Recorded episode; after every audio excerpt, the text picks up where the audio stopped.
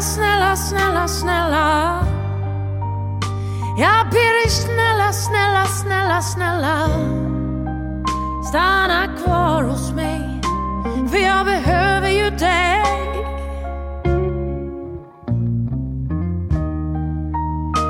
Jag så snälla, snälla, snälla, snälla. Så lyssna snälla, snälla, snälla. Ja, jag vet det är lågt att be. Jag skiter i det.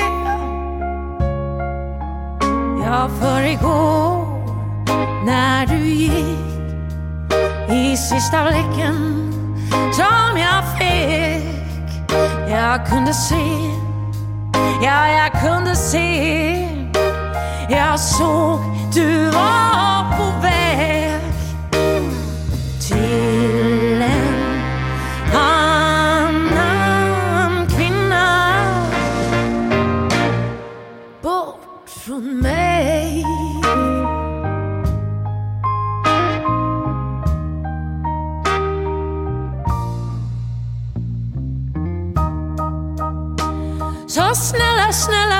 snälla, snälla Jag säger snälla låt mig inte sitta. När jag sitter ensam här. Ja medans du är där.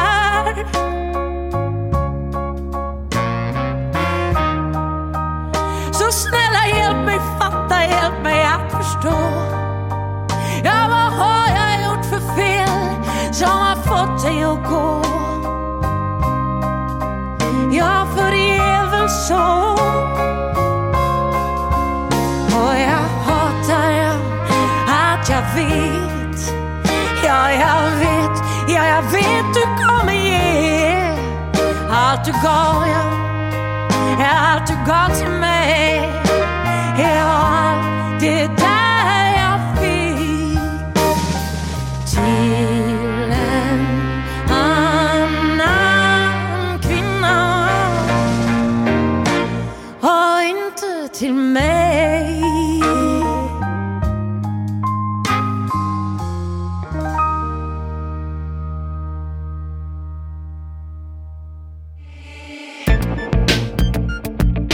Psykoterapi, och adolescens.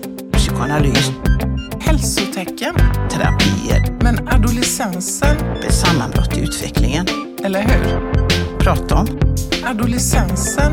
och psykiska problem som Donald W. Winnicott. psykoterapi. Eller hur? God morgon Annika. God morgon, Lena. Noterade du att det var ett nytt tilltal? Ja, Mm. Man får variera sig lite. ett lite mer högtidligt ja, tilltal. precis. Idag ska vi prata om separationsångest. Och ehm, det har vi varit inne på jättemånga gånger tidigare. Mm. Framför allt skulle jag vilja säga i tre avsnitt. Det första var väl sorg som heter omsorg, när vi pratade om förluster eh, och sorgarbete. Och sen pratade vi om det i ångest, förstås ångestavsnittet. Och i avsnittet om ensamhet pratade vi en hel del om det. Men nu vill vi fokusera bara på det begreppet idag. Liksom. Och eh, eh, jag tänkte prata om, eh, börja i det vardagliga idag faktiskt. Och eh, redan så att säga, separationsångest finns ju i alla vardagens avbrott, avsked, möten och avsked som vi har. Och man kan ha mer eller mindre ångest kring det naturligtvis. Men det första tillfället skulle jag säga, det är när du vaknar på morgonen. Eh, att lämna täcket och den varma sängen bakom dig är då väcker hos oss olika mycket separationsångest. Där har vi ju en del är väldigt morgonpigga, en del är väldigt morgontrötta och det har ju lite grann med det att göra, att det finns ett motstånd, jag vill inte. Eh, och det kan vara till och med förknippat med ångest som kan vara ganska omedveten eller odefinierbar. Det behöver inte innebära att jag har en ångest inför det jag ska göra på dagen, men det kan det också vara. Utan det kan ju vara att lämna drömmen, det omedvetna som jag lever i under natten så att säga. Och sen går jag in i dagen och då har jag ju, om jag har barn till exempel, så ska jag lämna på dagis kanske. Och det vet vi ju alla som haft barn hur plågsamt det kan vara när de är riktigt små. Det är väldigt plågsamt för barnet som kanske skriker och gråter och det är väldigt plågsamt för föräldern. Det kan vara olika mycket hos barnet och föräldern men där finns en hel del separationsångest som gör att jag kan hantera det på olika sätt så att säga. Eh, och, och sen så fortsätter dagen, jag går till mitt arbete. Då, då kanske jag har en arbetsuppgift som jag håller på med som ska avslutas eller kanske ska påbörja något nytt. Det är alltså övergångar mellan avslutning och nytt. Och jag kan tänka mig att vi alla känner någon, om vi inte är sådana själva, någon arbetskamrat kanske som har väldigt svårt att avsluta en uppgift.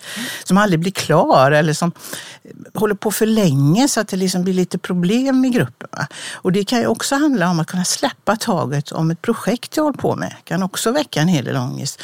Tomheten efteråt eller är jag riktigt klar och så vidare. Eller har svårt att starta upp. Ja, precis.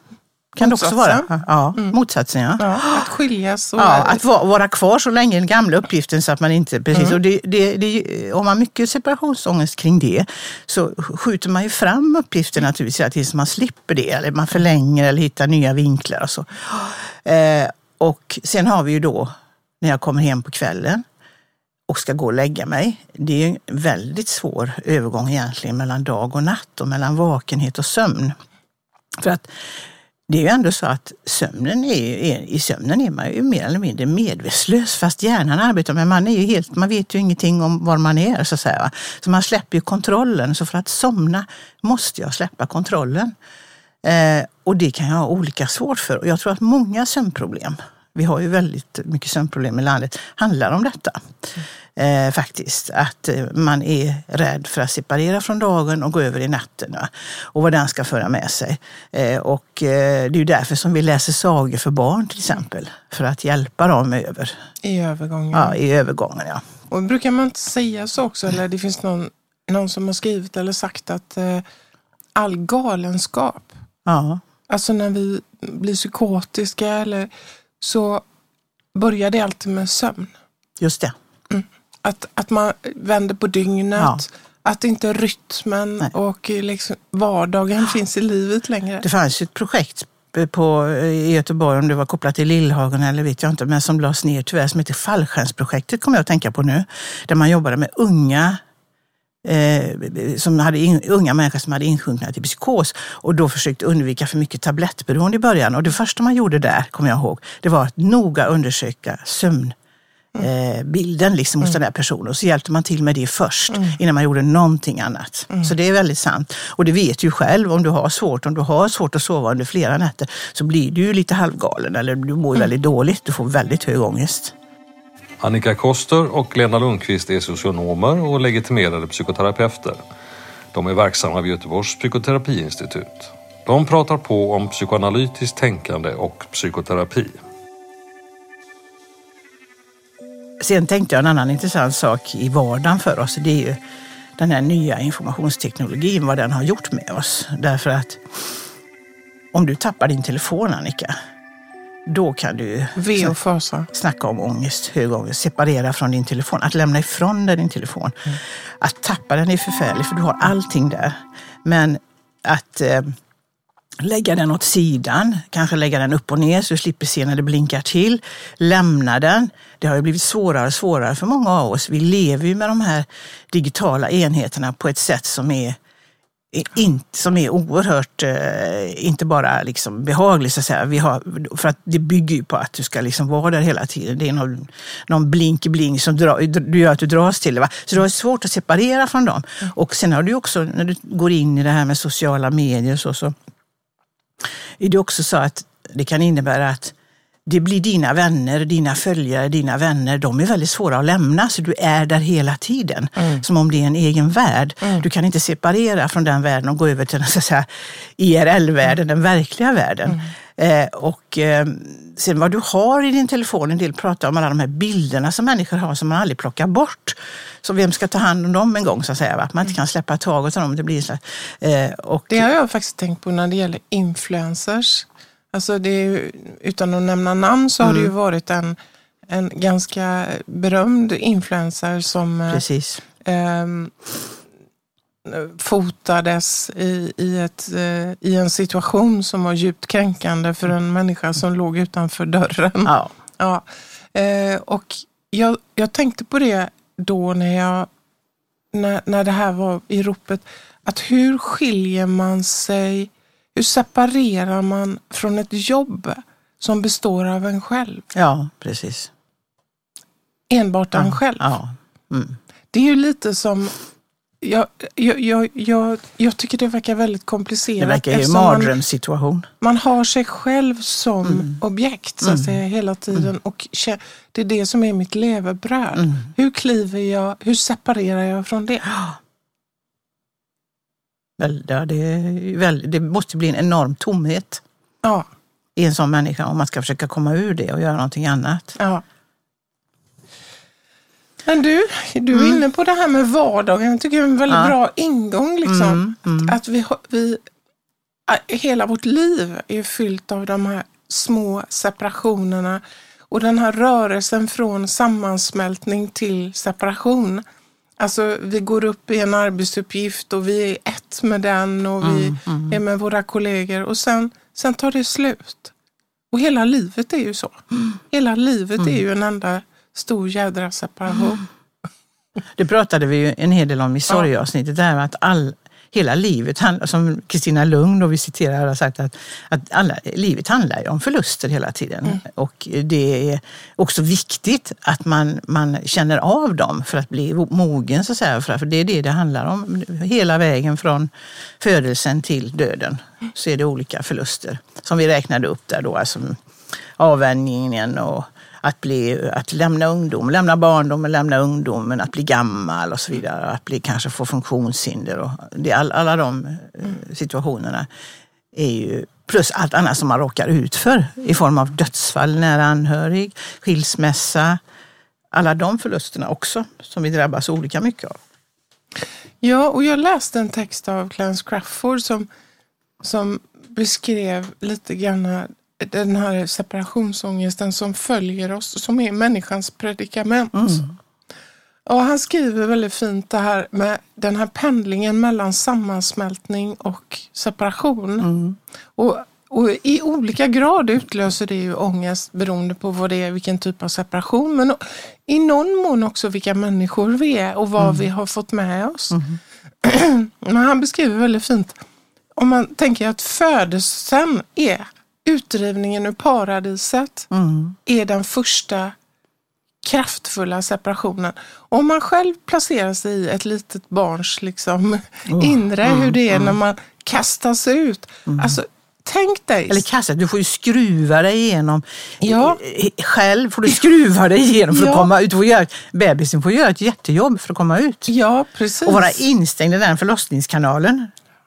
Bara, bara det. Och inte Bara vara, det, ja. Inte vara säker på att komma ut eller inte veta vad du kommer ut till. Nej. Självklart. Han beskriver ju det, Crawford skriver det någonstans, han beskriver det som en jordbävning. Ja. Och att barnet kommer ut och tänker, vad är det här? Ja, det här måste vara jordens undergång. Ja, precis. Därför att man kommer från ett paradisiskt tillstånd. Eh, tillvaro. Du kan tänka dig själv, om man liksom, här, inne i livmodern så är det dämpad musik. Ja. Det är lagom ljus. Det är god tillförsel på mat. Det är tak över huvudet. Alltså allt som en människa kan önska Och du behöver sig. inte vinka för att få lite mat utan det kommer genom det navelsträngen automatiskt. Mm. hela tiden utan att man behöver be om det. Eller... Och från det tillståndet till eh, födelsen och de här starka lamporna och, eh, och, och barnmorskornas i och för sig ofta varma händer och så, men ändå kylan, känslan, ångesten. Mm. Och klippet, Ja. navelsträngsklippet. Och människobarnet är ju faktiskt det enda, enda av varelsen som föds i ett ångestskrik. Mm. Och då brukar vi ju säga, oj oj oj vilka starka lungor. Bra att barnet skriker. Ju ett tecken på också det här överlevnadskraften och ja, så. Och sen läggs barnet tillbaka på mammas mage och bröst. Så att i någon mening, det där, någon slags återförening med någonting varmt. Och om man följer Winnicotts teori så handlar ju det här första tiden i livet, eh, stadiet av absolut beroende, att det här ska gå lite sömlöst i precis. början. Så att omgivningen fungerar nästan som en livmoder. Gradvis fast, och gradvis, Mm, gradvis eh, mindre och mindre så att säga. Precis. Men- så, Winnicotts good enough mothering så att säga, bygger inte på utan bygger på att man också man ska både hålla illusionen kvar och bryta ner den. Och det är ju en grannlaga uppgift att klara av det gradvis så det passar lilla barnet. Ja. Så det är både att, att få barnet att vara kvar i illusionen men också att och, och desillusionera barnet så sakteliga. Och att som, som, som Winnicott också skriver och som Crafoord liksom refererar till, det är ju det här att all kreativitet uppstår ju i, det här, i den här sprickan emellan sammansmältning och separation Ja. och den ångest som är kring det. Där symboliseringen träder Ja. in eller förmågan att symbolisera mamma. Ja. Genom en nalle eller någonting Ja, annat. Mm. precis. Det börjar med det här övergångsområdet där jag använder nallen. Mm. Nallen som inte bara är, den är ju inte helt som vi har pratat om innan, ett yttre objekt. Utan barnet besjälar ju nallen också. Mm. Men det är också samtidigt ett yttre objekt. Mm. Så att det är på färden emellan här illusion och desillusion. Men här ligger all konst och kreativitet och allt lärande Här och kommer jag allt att tänka på en, en eh, som kan, kan, vara intressant att berätta lite om här. Det är ju i den här sprickan som bygger symboliseringen, eller som skapar den kreativa. Där är ju då de här, kommer du ihåg hon Caroline Eliashev? Ja, ja, ja. Hon var ju föreläste hos oss eh, på Göteborgs psykoterapiinstitut någon gång på 90-talet. Ja. Kommer du ihåg henne? En liten späd, söt fransyska, men hon var väldigt sträng. Hon har skrivit en bok som heter På kroppen, nej, På kroppen och på skriket. Skriket. Ja. Ja. Och hon var ju då lärjunge till François Dolto som är en väldigt känd analytiker i Frankrike och som var samtida med, eller som anses vara kanske lika känd som Lacan hos vanligt folk. För hon hade också sån här radio Eh, hon, hon pratade med folk på radio om föräldraskap och sådär. Så hon var väldigt känd i Frankrike och är väl fortfarande tror jag. Men Caroline Eliashev, hon gick ju i hennes lära. Och bara för, jag tänker på det när du pratar om födelsen. Därför att hon, och de, hon arbetade ju då med riktigt små barn som inte kunde prata och som kom från ett barnhem. Eh, eh, och eh, Övergivna barn var det väldigt olyckliga, väldigt övergivna barn. Alltså, jag vill bara ta upp det, som, vi ska inte vältra oss i det, men som en annan situation än för de flesta barn. Va? Som till exempel var det ett barn som hade lämnat sin park. Som ingen, det fanns inga föräldrar som kom till det här barnet. Ett annat barn hade sett sin pappa mörda mamman. Ett tredje barn hade fötts fram av en heroinmissbrukande kvinna som, under narkos. Och hon hade begärt att inte få se barnet. Och båda var hiv, hiv-smittade, både mamman och pappan. där. Så alltså, det är otroligt olika. Och då kommer de ju till ett barnhem och får en enormt fint medicinsk och, och fysisk omvårdnad. Men så är det ofta hos vissa att det hjälper inte. De, och då visar det sig att de kan inte andas. Andningsfunktion, apropå det med lungorna du säger. Va? Eller så får de jättemycket hudutslag, till exempel det här med hudjaget. Och deras kropp är, fungerar inte. Trots att de får mycket medicinsk hjälp. Och då kommer de till Caroline Eliashev för psykologisk hjälp. Och hon jobbade ju eh, att hon pratar just om det här att det är en analytiker till för det är inte att gottgöra, inte tycka synd om, inte hjälpa. Det är att hjälpa till med symboliseringen. Och det gör man genom att tala till barnet. Så hon talar till de här barnen precis med vanliga ord. Liksom. Och, och även hon och även Dolto menar att barnet är predisponerat för att förstå tal, även om inte man förstår orden. Jag, jag tänkte jag skulle bara läsa upp, för det var så fint hur hon... Det här var en flicka som heter Zoe. Och hon var då, eh, som jag sa, båda hennes föräldrar var hiv-smittade och mamman var då heroinist. Så flickan var ju då heroinist när hon föddes också, som var tvungen att avgiftas först från heroinet. Och hon hade aldrig sett sin mamma i ögonen. Apropå det här med namngivning och att bli till. Va? För mamman hade, och det förstår jag ju, mamman hade begärt att slippa se henne. Va? Och det var redan bestämt innan att hon skulle bortadopteras, men först skulle hon till ett barnhem för att föräldrarna kunde inte ta hand om henne. Och jag vill bara läsa upp hur hon pratade då till henne. Du kommer till mig för att vi ska försöka förstå varför du har det. Jag ska bara säga det att de här barnen kom ju med en mammavårdare då från sjukhuset. Så att Caroline Lecheff rörde ju nästan aldrig vid barn utan det var ju en mammavårdare som bytte blöjor och skötte detta medan hon talade till barnet. Då, va?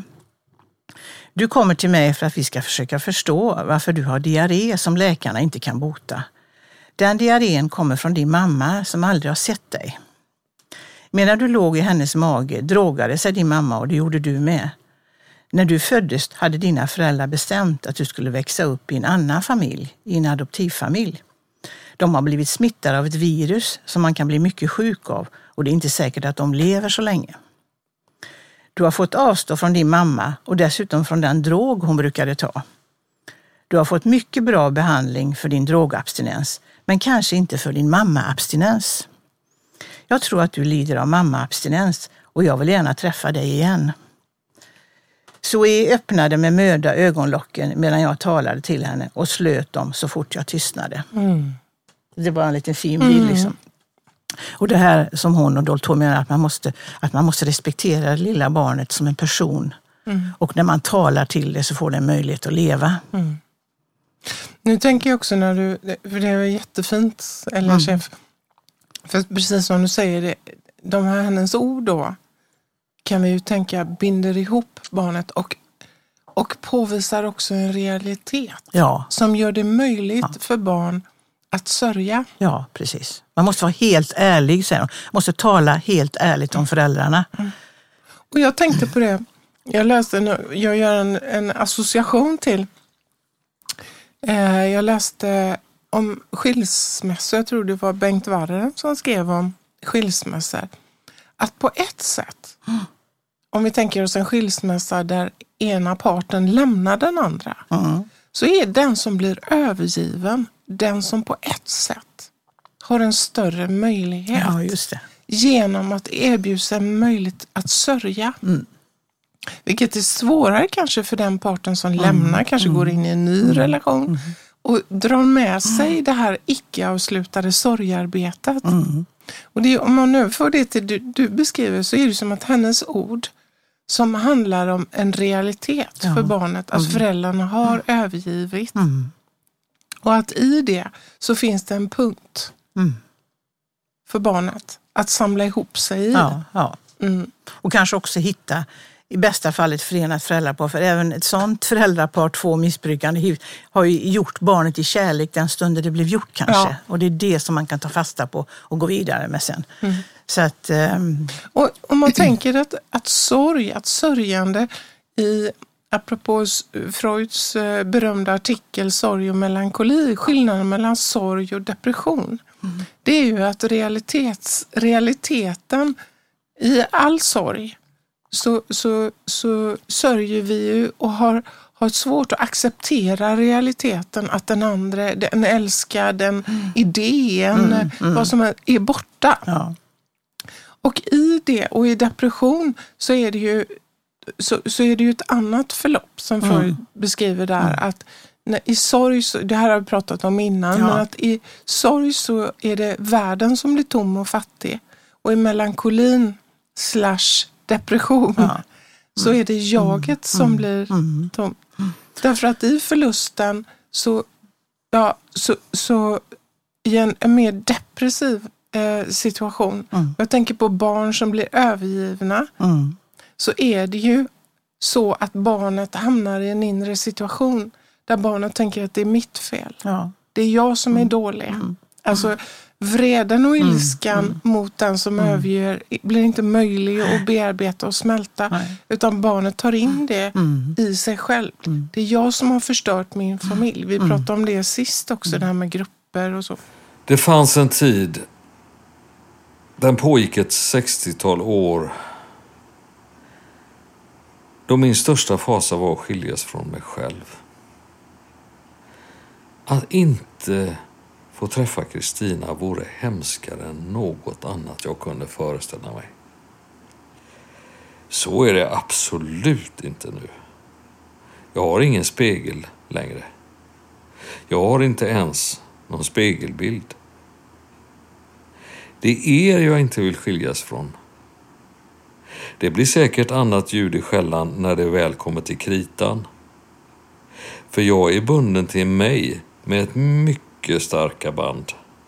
Utan mig vore jag ingenting. Ur mellan förtvivlan och förtvivlans mod. Kristina Lugn. Det här möter vi ofta, tänker jag, när jag handleder också familjehemsverksamheter att de här barnen som blir utsatta för upprepade separationer, vad det gör med deras inre självbild. Och att när de kanske kommer till, till ett nytt familjehem så är primärt så försöker man att, att visa, jag är ett dåligt barn och jag förstör familjer. Så man testar familjen väldigt mycket. Ja. Men det du säger, det innebär ju att eh, för att det här med War- Warren, det här med, eller heter han Bengt Warren, heter han väl inte Warren. så vad heter det, kräver det ju att man gör ett sorgarbete då. Och det är inte alltid så lätt att göra heller, för varje förlust väcker tidigare förluster.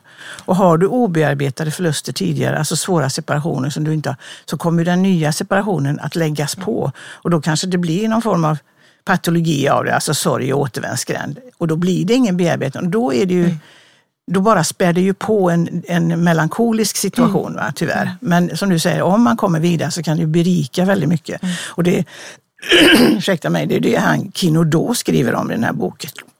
Att tämja ensamheten. Om separation i psykoanalysen tror jag den heter. Det är en väldigt fin bok. Att, att liksom, eh, det är det som terapi kan hjälpa till med väldigt mycket. Att få fatt i de där förlusterna och separationerna för att i terapin bearbeta dem och komma vidare. Och då sörja också. Så sorg är ju alltid ihopkopplat med separation på något sätt. Vet du att, att det finns, eh, när det gäller barn, och faktiskt när när det gäller vuxna också, men man kanske mer tänker på det när det gäller barn, en diagnos som heter separation anxious, an, Anxiety. anxiety disorder. Aha. Om man lägger ihop det så blir det SAD. Ja, just det. Ja, ja, ja, fint. Och det, det, det är olika kriterier. Jag bara såg det någonstans eh, på nätet. Det här. Alltså, att, att då, och det me- medicinerar man. Mm, ja. Eh, vilket är bekymmersamt tycker jag.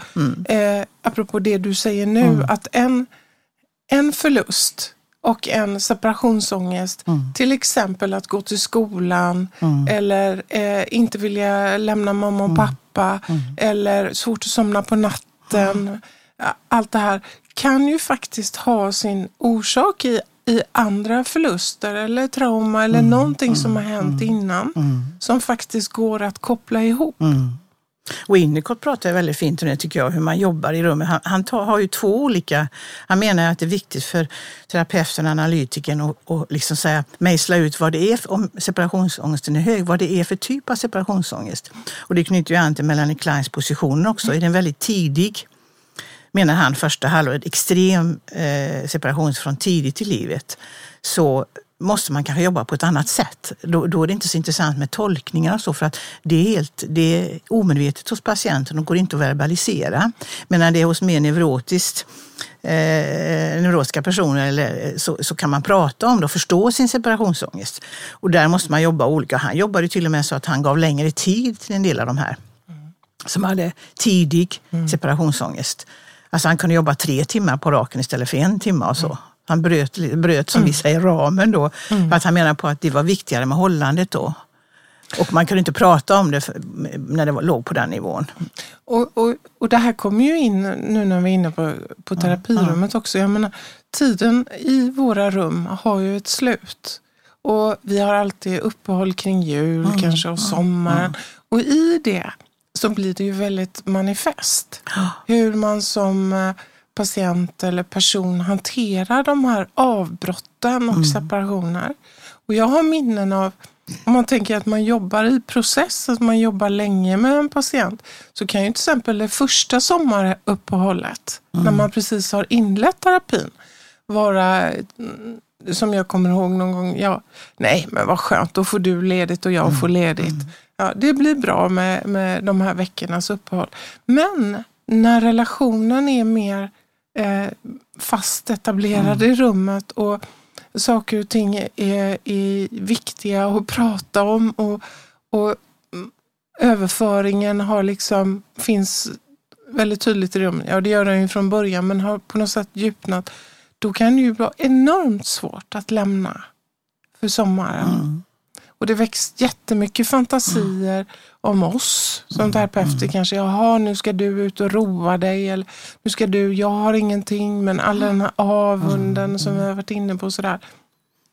Så att det där kan ju verkligen ändra karaktär under, en, under ett terapiförlopp. Mm.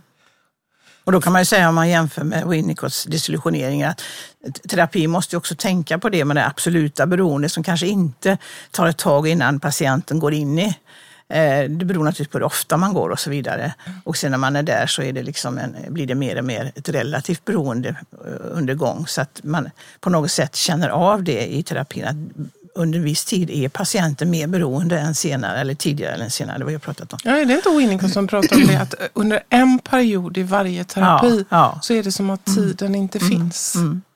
Tiden upphör. Det kommer alltid vara du och jag här i detta rum. Och att det är en liksom nödvändig Mm. tid för att så småningom kunna, den här desillusioneringen. Sen har vi varit inne på lite innan, om vi är inne på terapi, det här med hur det kan visa sig. Och det har vi talat om tidigare, det här med att man kanske inte vill lämna rummet. Man håller på med sina kassar och sina kläder innan man går ut ur terapirummet. Det kan vara tecken på att man inte riktigt kan separera. Eller att man liksom eh, också det här att man försöker ha kontroll på tiden själv för att slippa bli avvisad och så. Det är ju en, en, ett sätt att undvika den här otroliga övergivenheten. För varje session är ju egentligen en, en separation. Alltså det är varje session är ju en liten död också. Alltså varje separation är ju en liten död kan man säga. För att koppla ihop det med död. För att det är ju eh, så att säga, om vi går till Freud så, så menar han ju att, att separationsångest är prototypen för all annan ångest. Ångesten är en signal som väcker någonting som har med separation och avskiljande att göra, säger han. Så att det innebär att ångest, separationsångesten är prototypen för alla senare All ångesttillstånd, ångest, fast vi inte ja. tänker om det. Så det, det. Och det har ju att göra med det du var inne på, födelsen, avvänjningen, alla de här svåra separationerna när man är, när man är riktigt liten. Eh, så att, men det intressanta, vi kan, om vi tar lite bara kring Freud då, va? så som vanligt då, så, säga, så fastnar han ju det här med kastrationsångest. Det Ja. vill säga, den, den, det straff som sonen ska få för att han har velat ha mamma för sig själv, som pappan ska ge honom, kastrera honom, det, det menar han är stora ångesttillstånd. Han vill ju inte kännas vid att barnet skulle ha till exempel en födelseångest. Han kanske nämner avvänjningen naturligtvis och livmodern, men han vill inte heller känna av att döden skulle vara förknippad med stark ångest. Han menar på att det är ointressant att prata om dödsångest för att alla andra ångester handlar ju egentligen om död, så det är liksom, och det kan väl ligga något i det. Döden kan vi inte veta någonting om, så den kan vi inte känna av. Eh, Så att därför är det ointressant med döden, för man, vi kan liksom inte sätta ord på det. Däremot kastrationsångest, det är verkligen, ver- det kan vi föreställa oss, säger han. Vi, det är för att han är man då. Ja. Sjö, Sjögren skriver väldigt fint om det, att här har han ju liksom här, här går det ju inte riktigt bara att använda Freud därför att det blir för, för, för, mycket kring det manliga bara. Och, att, och han menar på att detta med både med att inte kanske erkänna den här födelseångesten som egentligen är en ren dödsångest tror jag hos barnet, överlevnadsångest som då Klein sen och andra för in då. Och även det är för att han, alltså den så att säga arkaiska, eller modern är förknippad med både liv och död. Va? Födes. Så att, därför hoppar han över de, de två och håller sig då kring oidipaldramat som är hans liksom, ja, Och som är på tre. ja, och som är på tre. Där va? mannen finns med. Och, det, och där mannen Och finns med. Och det central. handlar om en far och en son. Ja. Va? Medan, men vi har ju de andra, vi har Klein och Winnicott så att vi kan föra till. Men det är viktigt att säga det tycker jag. Att, att det, det är där, där, eh, där tappar han ju mamman. Han Ja. tappar ju moderns betydelse som är naturligtvis enormt stor eftersom ett barn kommer ur moderns kropp. Mm. Vi kommer inte ifrån det. Att modern är den enda som har en kroppslig Mm. förtätad relation till barnet. Det har ju inte pappan. Men om man nu går, om man tänker då det här med separationsångest och de försvar vi människor har inför ja, detta ja. också. För vi har ju en helt batteri av försvar för att inte behöva känna den här hemska känslan av rädslan att förlora någonting och vad händer med mig då? Så tänker jag, jag läste om en terapi som jag tyckte var intressant. Det var, eh, jag tror det var Masukana, alltså en eh, Winnicotts lärjunge kan man säga. Eller lärjunge, han skrev ju mycket böcker själv, men han beskrev en terapi som jag tyckte var intressant. Där ett, en patient kommer in i ett rum och eh, sätter sig och eh, påbörjar sin terapi. Och en, där det inte finns någon överensstämmelse mellan en enormt framgångsrikt liv och social kompetens och allt det här och ett väldigt torftigt, blekt, patienten beskriver själv ett, ett blekt, meningslöst, apatiskt inre. Mm, mm, Och så, så beskrivs den här terapin som sådan att, att den här patienten har råkat ut för förluster tidigt. mm. Eh, men där barnet inte hade fått möjlighet att sörja det. Alltså föräldrarna hade försvunnit eller eh, kortare eller längre tid, upprepade tillfällen. Och varje gång de hade återsetts så hade det funnits ett krav på barnet och eh, även från modern i det här fallet, att allt skulle vara bra. Och de två var de bästa. Och nu var allting, det här var ingenting att sörja. Och det här känner vi nog igen allihop där. Nej men det ska du väl inte vara ledsen för. Nej, Upp och stå på benen igen. Upp och stå. Mm. Ja, så lite grann alla Winnicotts falska själv. Så, så då menade eh, Masud Khan att, att när det här blir för svårt för oss och vi inte har något utrymme att sörja saker och ting och faktiska förluster så kan man förenas i en gemensam före, före förlust idealisering. Mm. Så mamma och barn Mm. barnet går tillbaka och idealiserar så tillståndet innan förlusten var. Jaha, okej. Förstår du vad jag menar? mm, mm. Så, att, så att det här liksom blir det som barnet lever i. Att en idealisering av föräldern och en idealisering av ens eget själv. Mm. Så att det finns en narcissism och en oförmåga att sörja det som behövde sörjas. Mm. Och, och det här är ju inte så ovanligt att när vi har råkat ut för saker, att vi går tillbaka till innan det hände. Mm. Eller hur? Och det förnekar alltså Ja, det finns det en som har hänt. Ja, det är nostalgi. nostalgi. Ja, innan hade du och jag det bra. Mm. Mm. Och Jag tyckte det var intressant för det är ett sätt när man inte kan hantera sorgen och separationen Mm. Och få bearbeta den. Man lever, lever i en förljugen värld kan man säga då. Ja, För att slippa smärtan ja. av förlusten. Och det är låser det är in ett sig extremt själv. försvar. Att, eh, ja just det, man, man kan till och med göra om verkligheten kanske. Precis, det gör Ja. man ju då. Man tar inte med de här svarta sidorna. Nej. Mani är ju ett annat sätt Mm, att förneka. Eh, Omnipotent. Eh, eh, själv, förhärligande. Ja, Mm. livet är toppen. och, och Mani och of, att det är svårt att sörja hänger ihop. Mm. Va? Jag tänker på nu, eftersom vi pratar lite om Freud, han har ju den där lilla trådleken också, kommer du ihåg den? Ja. Som var hans For- barnbarn. Forta. Forta, ja, Ernst då, som var son till hans älsklingsbarn Sofie tror jag. När han var ett och ett halvt år så levde han väl under samma tak som dem och då noterade han att den här pojken hade en trådrulle med tråden som han kastade iväg och så sa han fort och sen drog han in den och så sa han där, det betyder borta här eller borta där. Eh, och Eh, det höll han på med om och om igen då, som ett, för att försvara sig mot den smärtan att mamma hade lämnat honom då eller gått ifrån honom. va? Ja, för att återförenas för igen att med återförenas. Men ja. också, det tyckte jag var intressant, säger Freud, det är det ena då. Va? Det här är ett sätt att symbolisera dig i leken. Du, du ska inte tro att inte jag har kontroll över dig när du lämnar mig. Så blir mamma trådrullen då, så drar han fram och tillbaka. Men det var också en aggression i det för att hon hade lämnat honom. För när han kastar iväg trådrullen Ja. så är han lite arg. Va? Så att det är väldigt fint. Det blir mycket med den leken. Va? För att det finns ju också en ilska mot den som lämnar mig. Som jag måste kunna hantera, som, är, som jag måste kunna få uttrycka på något sätt. Va? Som man inte gör då om man hittar den här förljugna världen, va? Man är, som det var innan. Som det var innan då, om man inte tar in det nya. Va? Då hoppar man också över sin egen aggress- aggression mot det objekt som har lämnat en. Förra gången, om, om man går vidare in i det här att man aggression mot den som har lämnat och, Mm. och svårigheter att sörja och separera från saker och ting. Så tänker jag på också, jag läste en annan eh, artikel om vit melankoli. Mm. Vet du vad det är? Nej, Nej, det var, jag läste det var två docenter. Låter lite- Ja visst låter det lite, låter lite äckligt. konstigt. Ja, Ja, men, men det var eh, två eh, docenter i sociologi, jag tror den ena hette Tobias Hübinette, som hade skrivit en artikel som jag tyckte var väldigt intressant. Också på, ett, på en samhällsnivå. Va? Att till exempel att de rörelser de, som vi ser idag eh, de här lite mer högerpopulistiska rörelserna. Att här finns ju det som Sigmund Bauman också skriver om i Retrotopia.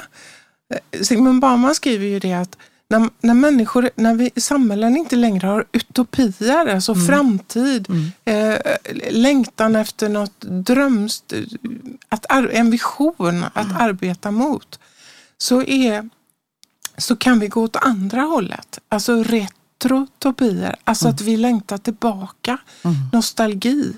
Och den här vita melankolin skulle då handla om, eh, om man tar Sverige i det här fallet, en svårighet att sörja att kärleksobjektet är, är förlorat. Och vad är då kärleksobjektet? Eh, jo, enligt den här artikeln så menar de att det är till exempel att högerpopulismen sörjer den här perioden som var mellan 1905 och 1968. när Sverige var en, en vit homogen mm. land med mannen som, som överhuvud. Och eh, egentligen är det, sammanfaller ju det med folkhemstiden. Mm. Mm. Och eh, faktiskt det rashygieniska. För där ja. socialdemokratin och välfärdsbygget hade ju mycket med det rashygieniska att göra. Mm. Det tänker vi inte alltid på. Nej. Nej. Om man nu ska eh, föra in det också, för Rashygieniska institutet läste jag startade 1922 utifrån det steriliseringar av minoriteter och kvinnor och så. Va? Men den här nostalgin och längtan tillbaka. Mm. Och varför är det så? Jo, Bauman beskriver det, att när vi människor inte har en framtidsvision utan det, det lurar faror. I framtiden, ja. Som ja, gör nu. Att de unga till exempel kanske inte kommer att ha samma eh, välstånd som vi har haft. Klimatkriser och allt det här, mm. krig. Mm. Att det skapar en, en, en flytande eh, tillvaro. Mm. Att vi har svårt att fästa. Mm. Och då kan vi fästa i oss själva. Alltså en överbetoning. Matlagning ja. till exempel är typiskt det. Mm. Nej, för, för, för tydligen kulturer som mår dåligt. Hur, att man fokuserar på mat. Alla dessa matprogram, det är ja. helt perverst tycker jag. Ja.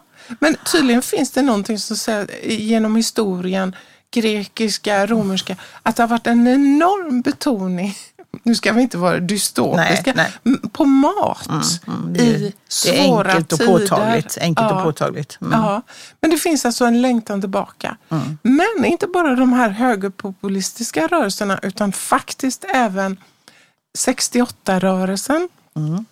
Alltså den här sorg, icke sörjda sorgen över det goda solidariska Sverige eh, antirasistiska där vi ledde internationellt när det gäller eh, människorätt och så. Mm. Att den delen inte heller är sörjd, menar Nej. de här författarna. Och jag tycker att det ligger någonting mm, viktigt precis, i det. Va? Det är precis där vi är nu. Ja. Och att kärleksobjektet, det är inte, vi har inte sörjt och konstaterat att det är borta. Nej nu har vi någonting annat, mm, en, ett, mm, ett, mm, ett, annat samhälle. Mm, mm. Och det är ju det med realitet. Mm, att se, var är vi nu så att säga. Och då tänker jag återigen på det här med om du googlar på separationsångest så får du upp jättemycket kring, väldigt mycket kring barn och så. Att det är något idag att det ska tas bort. Va? Precis som det går ju inte, alltså det går ju inte att ta bort separationsångest från livet. Det kan man konstatera, precis som det inte går att ta bort sorger. Det är ju en del av att vara människa. Men i den här eh, kulturen vi lever i nu känns lite som att det ska kunna gå att tas bort. Och det ska, vi ska inte vara beroende heller så att vi ska behöva uppleva separationsångest. För att separationsångest uppstår ju bara om du är beroende av någonting, om du får en anknytning till någonting. Så att säga, va? Det ska vi inte vara. utan jag kommer att tänka på när, vi, när, vi, när jag läste om det här, jag kommer att tänka på det som jag och du upprörde så mycket över den här felvända barnvagnen. Ja, just det. Som kom då, när kom ja. den? Kan det ha varit på 90-talet?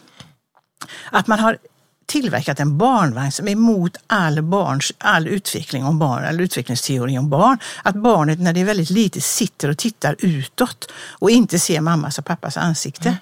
Och som någon skrev, med de riktigt små barnen så kan det vara så att till och med mamma och pappa inte existerar då när jag inte ser henne eller honom. Mm. Och att det är liksom att tro att barnet behöver en stimulans utifrån. Det enda de små barnen behöver det är mitt ansikte, se min mimik, se mina rörelser. Mm. Eh, ingenting annat behöver det riktigt lilla barnet. Va? Så det där är ju liksom eh, mm. fruktansvärd konstruktion. Liksom. Ja. Och som man borde, ja, det men, en del föräldrar förstår det. Men... Ja, fast det bygger väl på en tanke, jag vill visa mitt barn ja, världen. Ja, precis. Fast, ja, Ja, och det, det, är ju det, man tänker att barnet väldigt tidigt ska stimuleras, få intryck, ja. när det är så att barnet kanske ska skyddas ja. mot för mycket intryck när det är riktigt litet. Att man faktiskt tvärtom ska mm. vänta. Jag menar, ett litet barn behöver inte så mycket innan det är två år mer än mamma och pappa och omsorg. Och lite. Det är liksom först efter den åldern som man... Så det där är också en, mm. en... Sen tänkte jag, jag hörde talas om något annat som jag tycker också, om vi tar ner det på personer som är intressant idag. Eh, eh, apropå det här med att det inte var, inte var beroende, att det är något dåligt med det. Att, eh, det har du hört talas om den här anti-ghosting-rörelsen som har uppstått? Nej, vad är det? Fick jag berätta för mig av en ung människa som är på de här datingapparna, Tinder och så. Anti-ghosting-rörelsen, det är en rörelse som en grupp unga kvinnor eller, har, har satt igång för att de blir ghostade. Vet du vad det betyder? Du, du, du, går in på Tinder och så träffar du någon.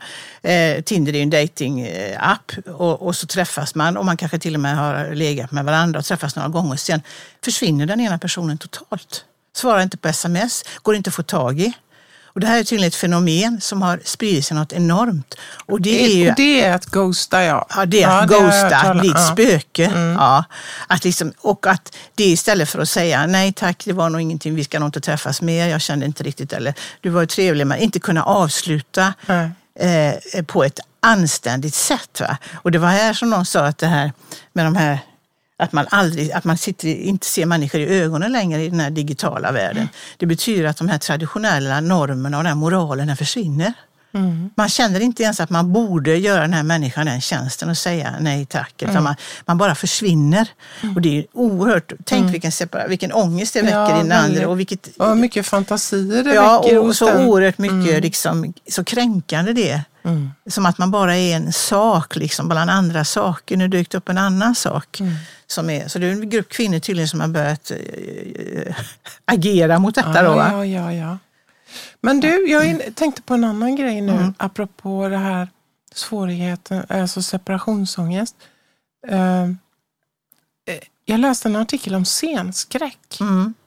Att den är också, alltså scenskräcken hävdar den, jag kommer inte ihåg vem det var, kopplat till det här med, med separation. Mm. Att man i det ögonblicket, säg en skådis eller mm. en föredragshållare eller en musiker mm. eller som ska in på scenen, mm. fryser. Det här tillståndet, är, man kan ju ha olika grad av scenskräck. Ja. Men den här författaren menar att i någon mån handlar det alltid om separation ja. och ångest. Mm. För i det stund du träder, när du står där innan, så beskrivs det, ja men jag är helt ensam nu. Ja. Ingen kan hjälpa mig, nu är det bara jag mm. som kan träda fram. Mm. Och att det är i den här liksom, kopplingen till en rekapitulation av den här separation, individuationsfasen. Ja, ja. Att jag blir min egen. Ja, man är sammansmält innan och så ska man försöka ta sig bli en egen person. Och publiken kan bli då en kritisk publik. Så att jag får en självobserverande del mm. och, och, och, och identifiera mig med publiken och också någon slags bild av publiken som en förälder. Mm. Som tittar, för man kan tänka sig att när det lilla barnet lämnar modern eller föräldern så finns ju också en skräck. Att föräldern eller mamma ska tänka, Ja, om du lämnar mig så lämnar väl jag dig. Ja, precis. precis. Det vill säga ja. att publiken skulle i den stund jag träder fram och blir mm. autonom mm. och äger min egen text mm. eller vad det mm. nu kan vara, så ska publiken i, tänka, nej, vad var det här? Resa sig och gå. Resa sig. Och jag läste då att Barbara Streisand Ja. Hon gick in varje gång på scenen mm. med en övertygelse om att publiken kommer resa sig ja. upp och gå. Och överge henne. Och mm. överge henne. Ja. Och tänka, där fick du för att mm. du vågade lämna. Ja, för att du vågade ta plats. Ja. För att gå in på scen, det är att ta plats. Titta på mig. Jag vill att ni ska titta på mig. Jag finns. va? Men det är också det, en väldig ensamhet. För. För, för när man eh, repeterar, om vi tänker en skådespelare som repeterar, har ju en grupp runt sig. Man arbetar ihop om ett material. Men i den stunden man ska in på scen så är det bara jag. Jag tyckte det var intressant hur, att koppla det till det. Liksom. Att det hänger ihop. Men jag tänker om vi ska eh, tänka oss lite grann utvecklingsmässigt eh, så är det väl så att födelsen är den första stora separationsångesten och sen kommer ju avvänjningen. Att sluta amma får Att vi ju sluta säga. amma då. Ja, ja. Och att det innebär också att du hamnar i det här att du börjar förstå att du är en egen person och du är inte sammansmält med mamma längre. Och det är så att av, oj, avvänjningen eller att sluta amma, det väcker också till liv födelsen naturligtvis. Varje ny förlust väcker ju till liv en annan förlust. Men det är väl den som är eh, det, det är en ganska svår övergång. Och att- att den bli- är ju ganska svår för föräldrar. Ja, För precis. jag vet inte, men, men jag tror att, att den separationen, att sluta Mm. amma, eh, det är ju, li, höll jag på nästan lika, det är lika svårt för föräldern Ja. som för barnet. Ja. Och vi ser ju ibland föräldrar som har enormt svårt Mm. Ja. att släppa sina barn. ja, precis. En mor kom till mig. Säg, vad är det som fattas i min kärlek? Mina barn älskar mig ej som jag dem. Jag sa likgiltighet. Lite svalkande likgiltighet fattas i din kärlek. Då gick hon bort sene mot jorden. Dikt av Henry Parland.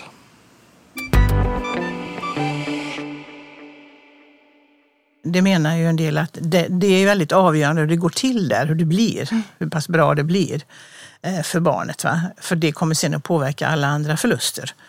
Som det händer massor sen då när man ska börja gå. Till exempel ju också att som du säger våga lämna mamma utan att hon vänder ryggen och säger då går jag också. Så att, Och det är eh, ju ofta det här också, i vilken form ter sig den här avvändningen? Är Ja. det abrupt Ja. Och, och, och, och bara sluta från en dag till en annan? Vad händer i det Ja, med barnet? Ja. Eller är det en långsam avvändning? Alltså hinner barnet med? Eh, Det är det här med gradvis som Winnicott pratar om, gradvis desillusionering. ett annat sätt att, in, alltså när det gäller att ha svårt med separation och separationsångest, det är ju det här begreppet hoarding. Ja, just det. Nej, men jag tänker, jag läste någonstans att man beräknat mellan 2 och 6 procent av befolkningen Mm. eh, har problem med att samla saker. Mm. Och här kan man ju, ja, det är ju skillnad på att vara en collector, det vill säga att man samlar på leksaksbilar och organiserar och, och, och så. Kring hoardingbegreppet innehåller ju mer det här att man Allting, allting. allting överhopas. Ja. Och, och, och det är ju enormt plågsamt och svårt Mm, och fyllt med skam och genans. Och idag finns det ju människor som jobbar inom kommuner, så Mm, speciellt med människor som har svårt att skiljas från sina saker. Såg du det där tv-programmet som gick om det? Ja, jag det var en kvinna som var väldigt Ja. Mm. intressant. Som inte, hon kunde inte bo i sin lägenhet längre, hon var tvungen att ta in på vandrarhem. För hon kom inte in i lägenheten. Nej. Så mycket saker, det var bara skräp liksom. Ja. Och, och, och det är ju ett enormt svårt tillstånd och ofta Mm, är det väl så då att man eh, att de här sakerna symboliserar olika Mm, saker. Ja, det här är pappas gamla jacka. Jag kan inte skiljas från Mm. den, den brukar ju han ha. Man håller också inre döda personer Mm. vid liv på något sätt. Och att det är enormt svårt att, och enorm ångest att skilja, att slänga, att göra sig av med. För det innebär att man kanske känner att man tappar sig själv. Den kvinnan som de, som de, det programmet jag tittade på, som de intervjuade, hon sa ju det, hon var ändå medveten hon sa att jag har varit med om så många separationer i mitt liv. Så jag klarar inte mer. Och alla de här sakerna, oavsett om det är gamla ICA-kassor eller om det är värdefullt eller inte, det är, så länge jag inte behöver ta bort dem, så känner jag att jag inte behöver utsätta mig för separation igen. Så hon gjorde den egna tolkningen. Eh, Så när, de skulle, när den, här, den här gruppen som jobbade med skulle hjälpa henne så fick de ju lägga allt i en container först så att, så att hon fick betala hyra för en, för en container. Hon visste att de skulle Att vara kvar där. kvar. De finns kvar där om Ja, hon vill. Det kan vara viktigt. Ja. Va? Fast jag tror aldrig hon, hon kanske gjorde någonting. Men hon fick, hon, de fanns kvar där om hon ville hämta tillbaka dem. Eh, Så att eh, det är inte alltid det är viktiga saker heller menar jag. Det är inte alltid det symboliserar pappas jacka utan det kan bara Nej, vara... det kan vara kvitton och det kan vara allt Som vi möjligt. uppfattar som skräp bara. Men ofta så är det ju också rädslan att, att av misstag kasta någonting ja, ja. Mm. som kan vara viktigt. ja. Om jag sparar allt så behöver Ja. jag inte liksom Nej, nej. utsätta mig för att Nej. bli skyldig heller att ha slängt någonting. Precis, precis. Och det är ju mycket kontroll och, Ja. och så och tvång i detta Ja. kan ju vara också. Va? Men också mycket obearbetad sorg Ja. och smärta. Jag läste någonstans att det finns någonting som också heter animal hoarding. Alltså att man samlar på djur. Ja, just det. Någon som hade 21 hundar eller något. Ja, eller katter. Du vet, man kommer till ett hus och så är det 30 katter där eller så. mm. Att man så- har så svårt att begränsa. Mm. Och någonstans blir det ju också en rikedom. Mm. Förstår, fast om man känner sig utarmad så är, har man ju väldigt många djur då. Mm. Ja, eller det var ju det hon kände, den kvinnan också, kvittorna och plastpåsarna. Det var ändå att hon hade det. Ja. De kunde inte lämna henne. De kunde inte lämna henne. För Nej. saker kan ju inte lämna dig om inte du skickar. Så det kan ju vara det. Det är säkra objekt om man säger så. Jag såg faktiskt, för det var många år sedan, ett annat program, men det var någon man i England. Han hade så mycket saker så att när, man, man, när man öppnade dörren så fick man liksom kliva upp på tidningshögarna och sen låg han och sov längst uppe på högarna inne i rummet vid taket. Men eh, till slut så kallades myndigheterna dit för han lagade mat där uppe på tidningshögarna också. Och det var ju jättefarligt för det kunde ju bara brinna. Ja, och han fick, men, och det, långsamt, långsamt fick han hjälp med det här. För det här, man kan ju inte gå in, eh, det här är ju svårt. Va? Så att mm, de Men då är det ju en patologi som förlamar hela ens liv. Ja, det, det är ju jätteplågsamt. Ja. Jag kan inte prata med dig när du tittar bort Snälla ge mig två sekunder